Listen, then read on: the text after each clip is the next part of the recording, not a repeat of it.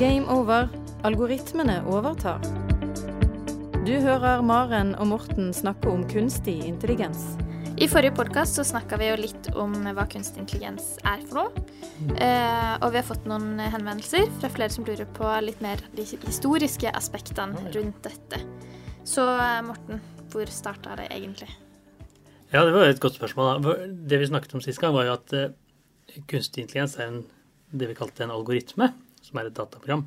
Og vi kunne dele inn dette i to. Enten disse oppskriftsbaserte algoritmene, hvor man nesten som en kakebakeoppskrift eller håndhilseregler eller sånn, som er som én gruppe, som de aller, aller fleste dataprogram er bygd opp på den måten.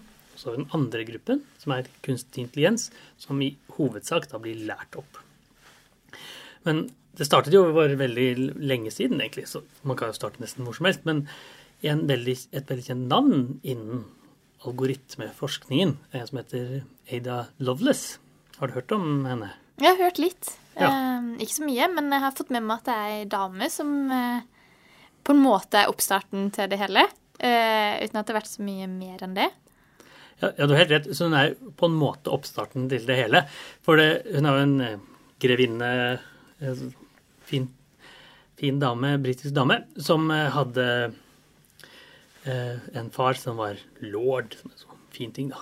Så, men Ada Loveless er kanskje mest kjent som en av de som var de første som lagde det vi kaller en algoritme. Men nå må jeg stoppe deg litt. Fordi du sier at hun lagde en algoritme, men at dette er veldig veldig lenge siden. Eh, fantes det noen datamaskin å teste dette på? Så det fantes jo ingen eh, datamaskin i det hele tatt. Og det trenger man ikke heller. Man trenger ikke en datamaskin for å lage en algoritme.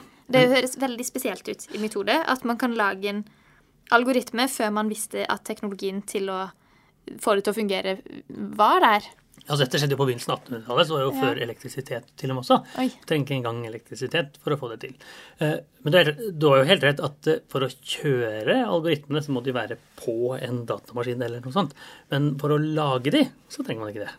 Og Derfor er det liksom teoretisk lekenhet å bare finne på en algoritme for, å, for, at det skal være nyttig å ha en algoritme å kjøre. på en måte. Ja. Men det er jo det matematikere gjør hele tiden. De sitter og tenker og skriver osv. Og, og Ada Lovelace var en matematiker som sitter og tenker og skriver, og skriver noe ned på papir osv. Så, videre. så hva slags algoritme var det da hun lagde? Altså Det hun lagde, var en algoritme for noe som heter Bernoulli-tall. Og Bernoulli-tall er en, en, sånn tallrekke, en sånn serietall som gjerne skjer mange ganger i matematikken. Og de kan regnes ut av. Så hvordan er det man regner hva er det neste tallet i en, i en sånn kjent rekke. Så okay. det, eh, og det er noe matematikere bryr seg veldig om. Sånn. Bernoulli-tall er viktig. Og, eh, og, man vet hvordan man regner ut. Så det som skjedde da, var at eh, Ada Lovelace, som så faren til Ada Lovelace eh, forsvant da hun var liten. Så han, lord George Byron reiste til den greske uavhengighetskrigen for å kjempe, og forlot mor og datter osv., så, videre, så hun var helt alene. Eh, moren til Ada sammen med Ada. Og eh, moren var en person som hadde to ansikter. En innad mot eh, Ada, som en sånn veldig kald og kjølig ansikt, og en utad som en sånn følelsesmessig eh, kjærlig mor.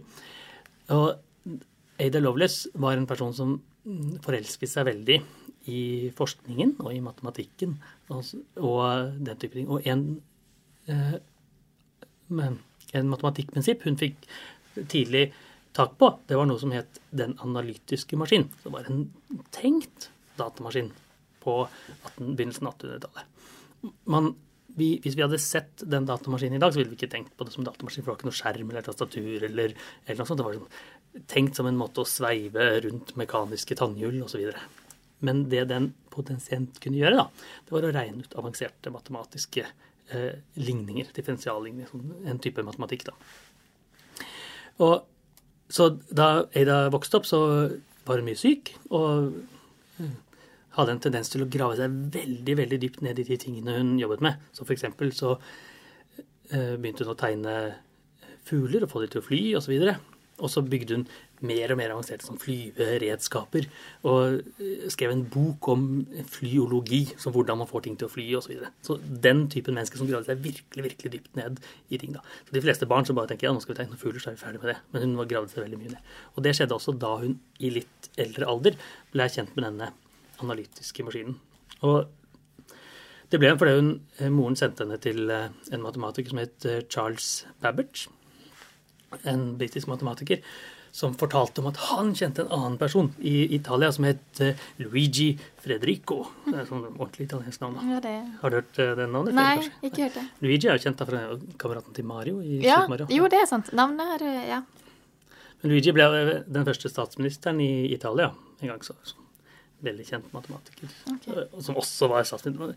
Så det Luigi hadde gjort, da, det var å sette for seg en teoretisk, altså bare tankeeksperiment rundt en datamaskin, som han kalte den analytiske maskinen. Og så finnes det sånne avarter som heter differensmaskin osv., men den analytiske maskinen var tenkt på som en datamaskin. Og Så han hadde skrevet en vitenskapelig artikkel på noen, noen sider, som han sendte over til eh, Charles Babbage, som da kom til Ada Lovelace etter hvert. Og den var på skrevet på italiensk. Tenkte at, så, så tenkte Ada ja, ja, vi kan jo oversette den til engelsk. Hun snakker engelsk. Så tok hun oversatte den. Men i den oversettelsen så gikk hun fra la oss si 10 sider til 30 sider. Oi. økte med 30. ja, det var voldsomt. Så det, man skulle ikke tro at en italiensk tekst på 10 sider skulle gå til 30 sider. Men det Ada Lovelace gjorde, det var jo i tillegg til beskrivelse av eh, den analytiske maskinen, også tok inn noen eksempler på hvordan den kunne brukes. Og da tenkte vi på akkurat disse Bernoulli-tallene som vi snakket om, denne tallrekken. Så hun la til ekstra informasjon da, i oversettelsen fra Masse- originalen. Masse ekstra Ja. informasjon. Så den tredoblet i størrelse. Altså 20 sider for mye ekstra informasjon, da. Eh, Og innimellom den ekstra informasjonen, så er det det vi i dag kaller den første algoritme lå der. Og det er rett og slett bare instrukser på akkurat hvordan du regner ut disse tallene. Ok. Så det var ikke noen måte å kjøre det på, for det fantes jo ingen datamaskin å kjøre de. Men de instruksene var der. Så hun fant opp noen eh, instrukser før det var mulig å kjøre det og teste det. Ja, Det er jo helt utrolig. Det er veldig utrolig å tenke på at, at det går an å tenke eh, i de banene i det hele tatt. At det går an å tenke at nå skal jeg lage en algoritme. Jeg har ingen anelse om at det kjøres. Det er liksom nesten 200 år til noen finner opp noe det kan kjøres på. I hvert fall godt over 100. Men allikevel så klarte hun det. Og det sier jo en, en hel enorm kapasitet som lå i Ada Lovelace, som, som klarte det, da. Ja. Og mens uh, Luigi og disse tenkte på denne analytiske maskinen mer som en datamaskin som kunne uh, Ikke engang en datamaskin, men en kalkulator som kunne regne ut akkurat de tallene var bygd opp. For, for den, den finnes ikke. Den finnes bare sånn i, i teorien. Uh, så så Ada Lovelace den for seg som en veldig mye mer avansert maskin. Maskin som kunne kanskje lage musikk, lage tekst, lage dikt og alle den type tingene. Og det er jo nesten, nesten galskap å tenke sånn, da. At vi har en, en rekke tannhjul som bare vrir litt på, så blir det musikk ut av det. Ja. Så, men det viser seg at eh, den maskinen vil ligne veldig, veldig på det vi i dag kaller en datamaskin. Og de instruksene hun skrev, ligner veldig veldig på det i dag vi kaller en algoritme, eller et dataprogram om du vil. da. Så hennes galskapsvisjoner på begynnelsen av 1800-tallet viste seg å bli realitet en del år senere. Du hører Maren og Morten snakke om kunstig intelligens. Har du spørsmål til Maren og Morten, send en e-post til gameover.alfakrølluia.no. Men hva skjedde så videre? Ehm, skjedde det noe mer før datamaskinen kom, eller var neste steg eh, Måtte vi vente til dataen da var et faktum? Ja, vi måtte nesten, så Ada Lovelace døde dessverre da hun var eh, 36 år, men veldig ung. da. Akkurat like gammel som faren, faktisk. Og det ryktes da at hun hvisket noe til sin mann eh, på slutten av på dødsleiet. Eh, En hemmelighet som gjorde at mannen bare stakk av og nærmest skilte seg helt på slutten. Så det er veldig sånn myteomspunnet hun Ada Lovelace, hva som skjedde der. Så når hun lå på dødsleiet, så Hvisker hun et eller annet, en eller annen hemmelighet til Ja. sin mann? Eh, kanskje har det noe med algoritmen og, og så videre å gjøre. Eh, Kanskje noe helt annet. Kanskje en hemmelighet hun ikke ville fortelle en omverden. Så hun er en veldig myteomspunnet person selv i algoritmeverdenen. Men absolutt en av de første, hvis ikke den aller første som lagde en algoritme. Men så gikk det ja, i hvert fall en, eh, en 100 år før det kom en annen person i grevefamilie, med grevefamilie som het Alan Turing. Alan Turing er kanskje kjent for, eh, for noen. Er det en person du har hørt om? Ja, hørt, eh, hørt navnet. eh, men jeg kan ikke så mye om han heller, Nei. så jeg fortell. Altså, Alan, Alan Turing var jo også en matematiker. En matematiker som dominerte algoritmeverden eh, tidlig. Altså, det er jo 100 år etter Ada Lovelace, så nå har jo masse skjedd. Det har jo kommet elektris elektrisitet, f.eks.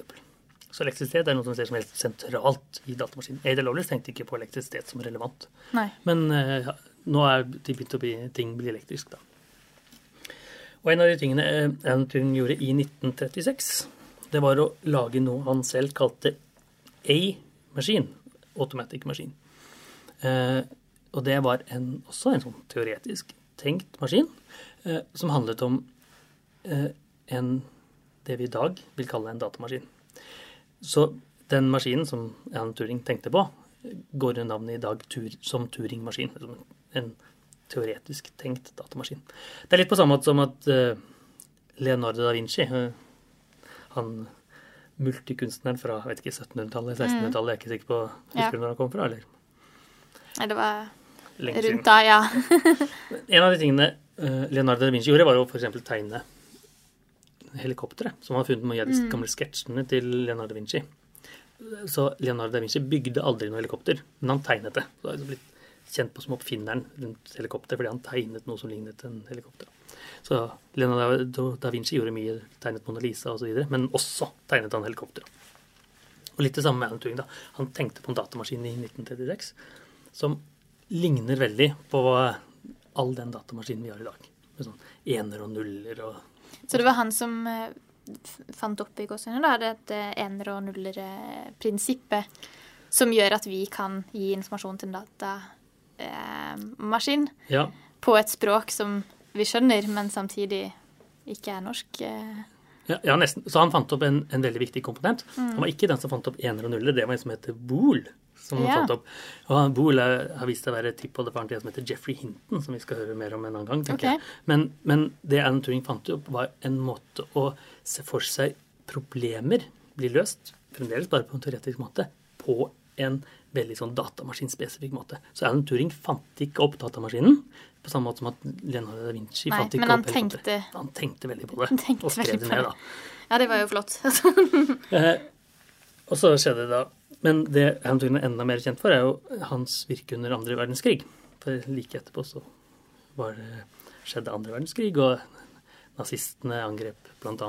Storbritannia. Det var krig. Og i 1939 så var det noen polakker som hadde lagd en dekrypteringsmaskin. En krypt, har du noe peil hva det er for noe? Dekryptering? Ja, det er vel en maskin som eh, tar eh, inn og gjøre om kode. Um, det har jo også vært en film i forhold til Enigma. Ja, det er vel kanskje det du sikter til, til her. Det er det jeg tenker på. Um, Så, så eh, hvis man skal sende melding til hverandre under andre verdenskrig, eller i mange andre situasjoner, så er det veldig lurt at de er hemmelige. Så hvis Hitler f.eks. skal si til sine underoffiserer at nå skal vi angripe Norge, så er det veldig fint at de får den informasjonen, men så er det veldig fint at England ikke får den informasjonen. Så det skal liksom sendes hemmelig til de gruppene. Og det man kan gjøre da, det er å kryptere. Eh, Og Hitler brukte en maskin som heter Enigma til å gjøre det. Og kryptere det betyr egentlig at man tar i dette tilfellet en tekst, og så stokker man om på det på en bestemt måte. Så bokstaven A blir til G, f.eks. Og så vet de som mottar den omstokkede teksten, at hvis man får G, så skal jeg bytte den om til A. Følge noen sånne matematiske prinsipper osv. Og, og det betyr at Hitler da kunne sende beskjed til alle sine underoffiserer at nå skal vi angripe Norge. Og så tenkte eh, polakkene i 1939, også Winston Churchill og disse, at hvis vi får tak i de beskjedene der, det kan bety mye. Så hvis vi vet hva Hitler forteller sine underoffiserer, så kan vi vite veldig mye som ikke engang Hitler vet at de vet.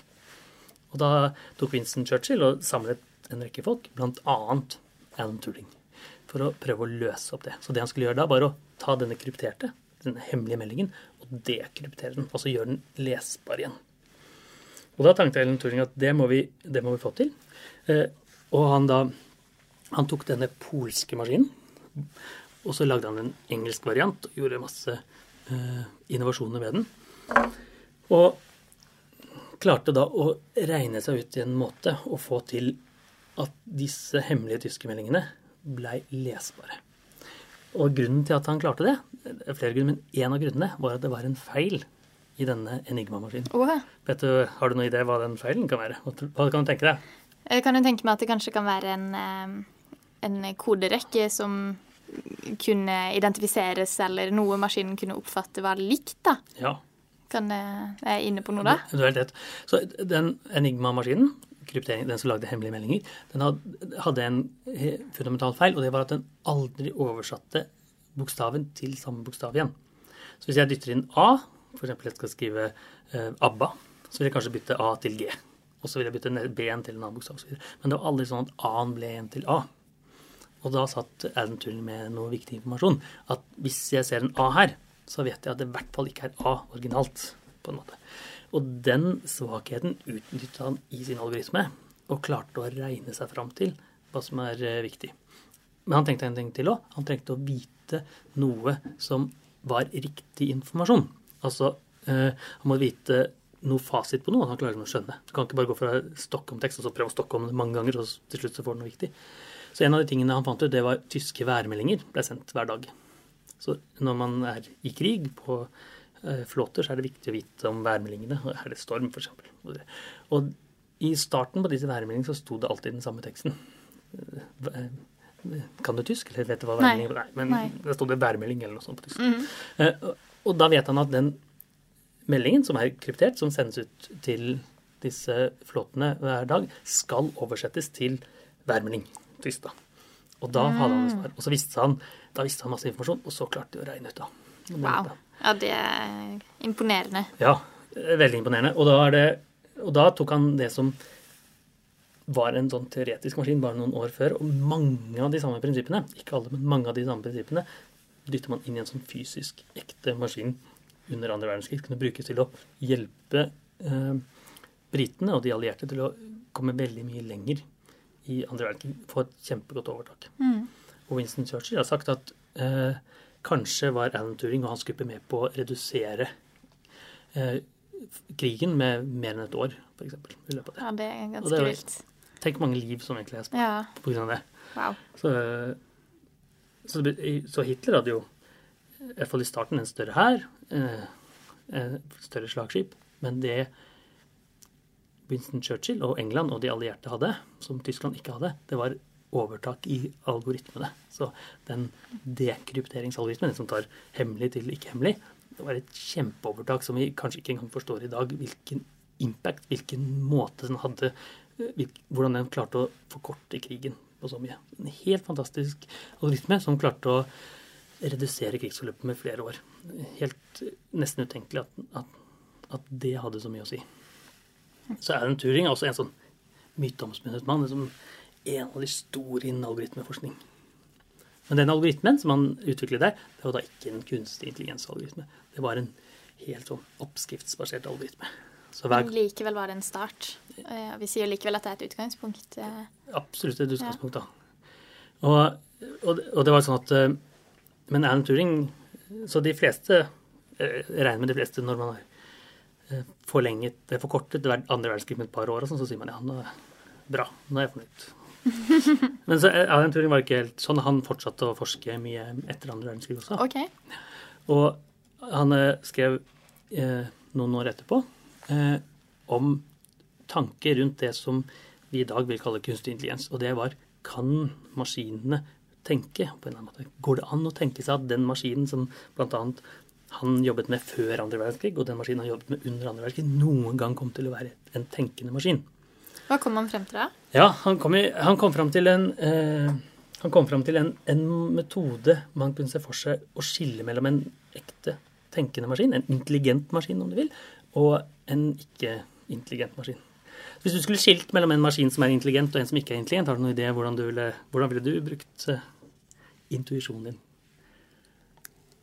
Nei, jeg tenker jo noe av det du har sagt tidligere, i forhold til eh, at den ene kan lære. Eh, Ja, At kunstig intelligens kan lære, og kan, kan forstå da ut ifra den informasjonen du gir den.